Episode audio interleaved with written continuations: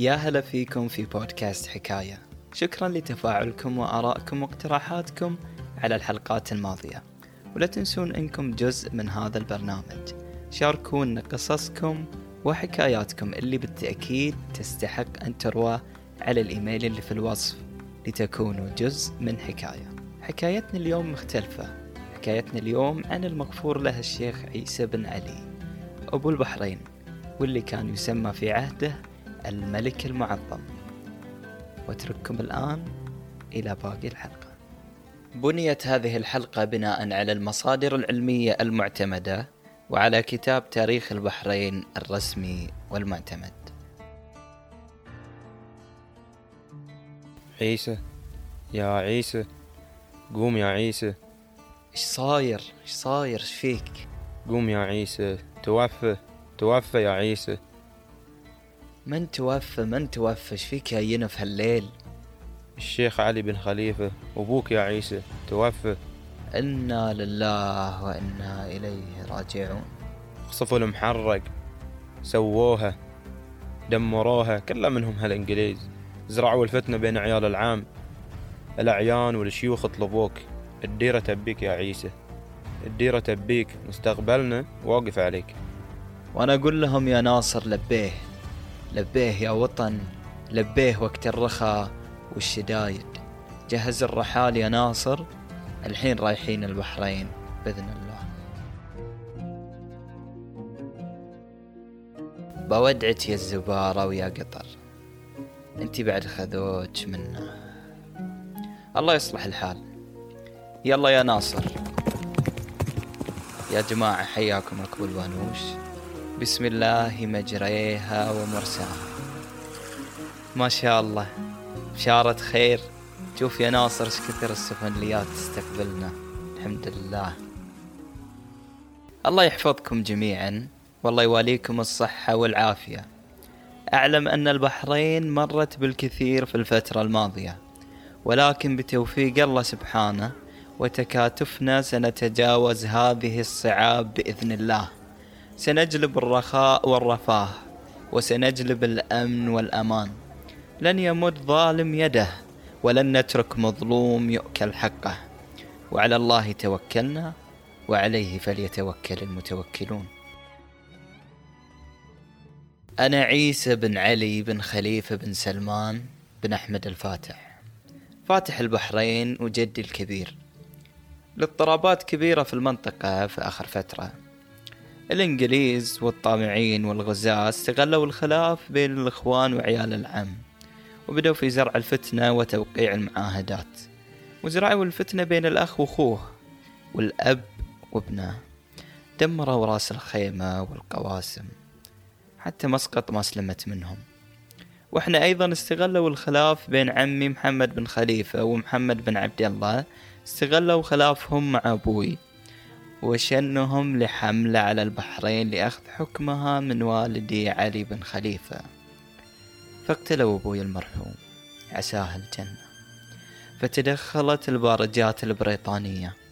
وقصفوا المنامة والمحرق.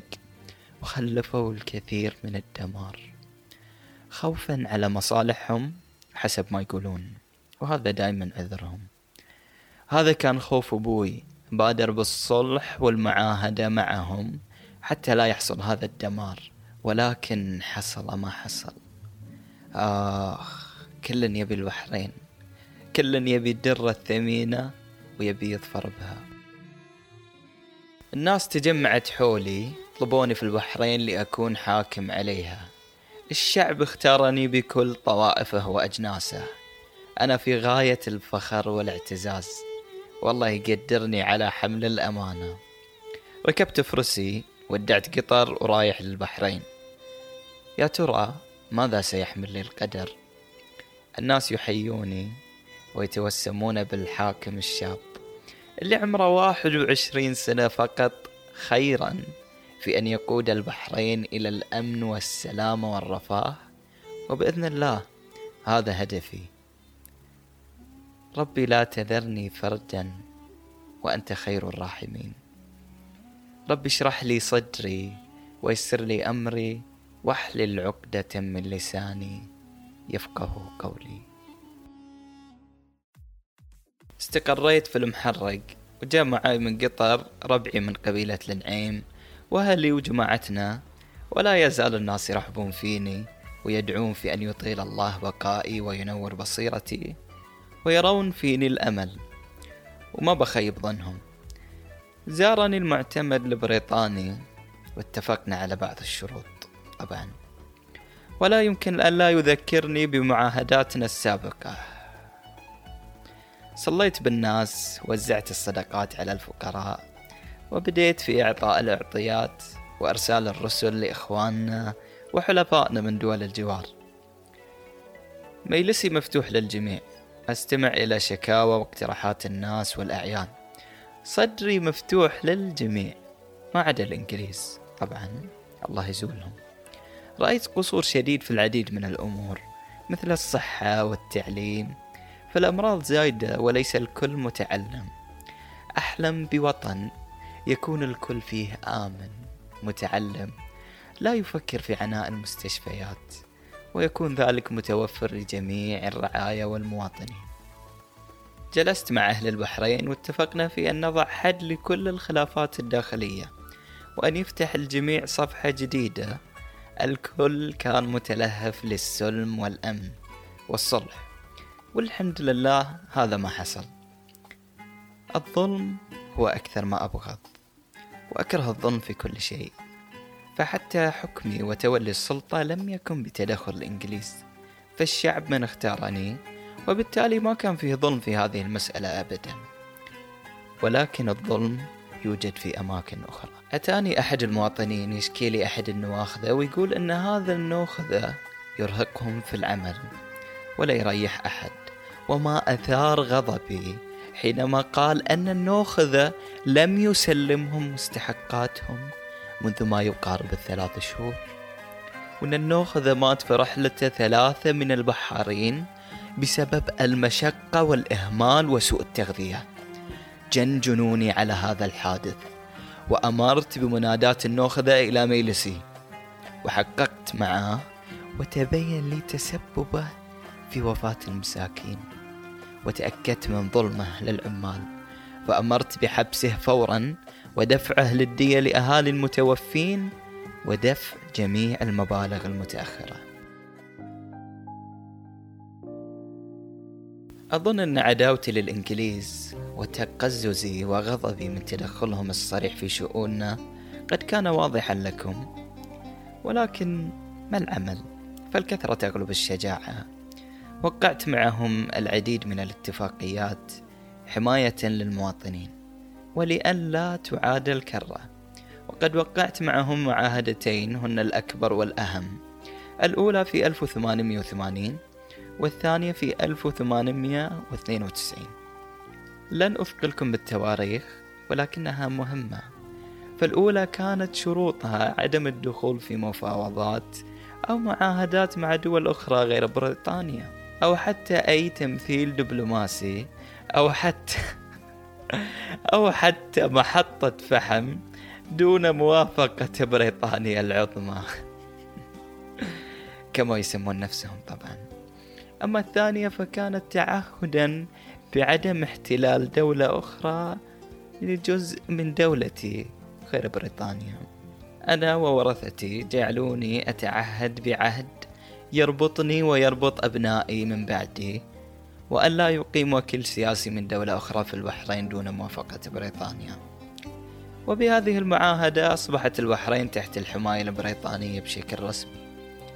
وتعهدوا بحماية البحرين وتمثيلها وغيرها من الأمور. لا تحاتون عيسى بن علي ليس ضعيفا أبدا. ولا يخشاهم فالله أحق أن تخشوه. ولكن حقنا لدماء شعبي بعد الاضطرابات التي حدثت قبل أن أتولى حكم البحرين وفي حكم أبي ومن قبله والصراع على الحكم رأيت أن استقرار الحكم هو استقرار للدولة والشعب. فقررت بتوريث وتنظيم الحكم بأن يتولى الحكم من بعدي ولدي حمد بن عيسى فيكون وليا للعهد وتكون له مهام معينة ويعين الحاكم الذي يأتي من بعدي ابنه الأكبر وليا للعهد. وافقت بريطانيا على هذا المرسوم وتم تنفيذه. اللهم ارفع عنا البلاء والوباء. ضربت البحرين موجة من الأوبئة والأمراض مثل الجدري والطاعون والإنفلونزا الإسبانية اللي ضربت كل العالم. نعم مات الكثيرين. وما كان عندنا غير مستشفى الإرسالية الأمريكية واللي كان أشبه بعيادة وليس مستشفى. ولا بد من تطور النظام الصحي ولكن الإمكانيات ضعيفة. وعلى الرغم من ذلك سنطور ونصلح كافة الأمور بإذن الله. تخلصنا من الوباء ولله الحمد ولا بد من الإصلاح. فوضعت أسس النظام الصحي اللي بيرفعه ويطوره خلفي من بعدي إن شاء الله. قدمت أرضا لكي يبنى عليها مستشفى الإرسالية الأمريكية بشكل أفضل مما هو عليه حاليا. وأسست أول مدرسة نظامية في المحرق وهي مدرسة الهداية الخليفية ومدرسة عائشة أم المؤمنين وهي أول مدرسة للبنات. قمت بتنظيم القضاء كما قمت بتأسيس الشرطة وأول بلدية في الخليج العربي وكذلك المجلس البلدي اللي كان أشبه ما يكون بالبرلمان في وقتكم الحالي واهتميت بشؤون التعليم والصحة والمواصلات والأمن وغيرها وكذلك مكتب الجمارك وبالإضافة إلى البريد. تأسست النوادي الثقافية وازدهرت وخرجت لنا أول مكتبة. اهتممت بالعلم والثقافة كما اهتم بها أهل البحرين وكل ذلك كان قليلا في حق البحرين وأهلها. فهي تستحق منا الكثير. وضعت أسس الدولة الحديثة وسيبني على الأسس أبناء هذا الوطن العظيم. أنا في منتصف السبعينيات من عمري. وكالعادة الإنجليز الإنجليز. الإنجليز ما يحبون اللي يقول لهم لا. وأنا دائما أقول لهم لا. حدثت اضطرابات في البحرين. وتدخل الإنجليز في شؤوننا الداخلية مرة أخرى. رفضت ذلك وخاطبتهم بلهجة شديدة. وانتهى الأمر. وانتهى الأمر بعزلي عن الحكم. يعزلون من يختاره الشعب. يعزلون الملك المعظم. قاموا بتنصيب ولي عهد الشيخ حمد بن عيسى ابني الأكبر. ولكن العزل كان صوريا فقط. ولم يرضى به أحد واستمررت بالقيام بمهامي كحاكم للبحرين.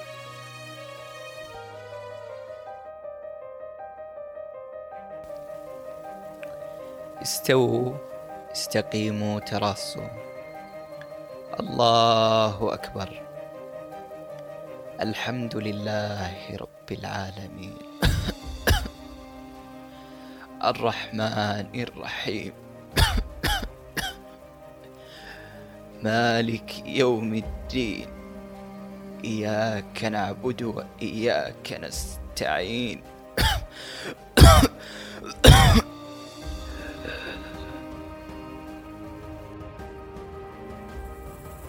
غادرت هذه الدنيا وعيني مغلقة.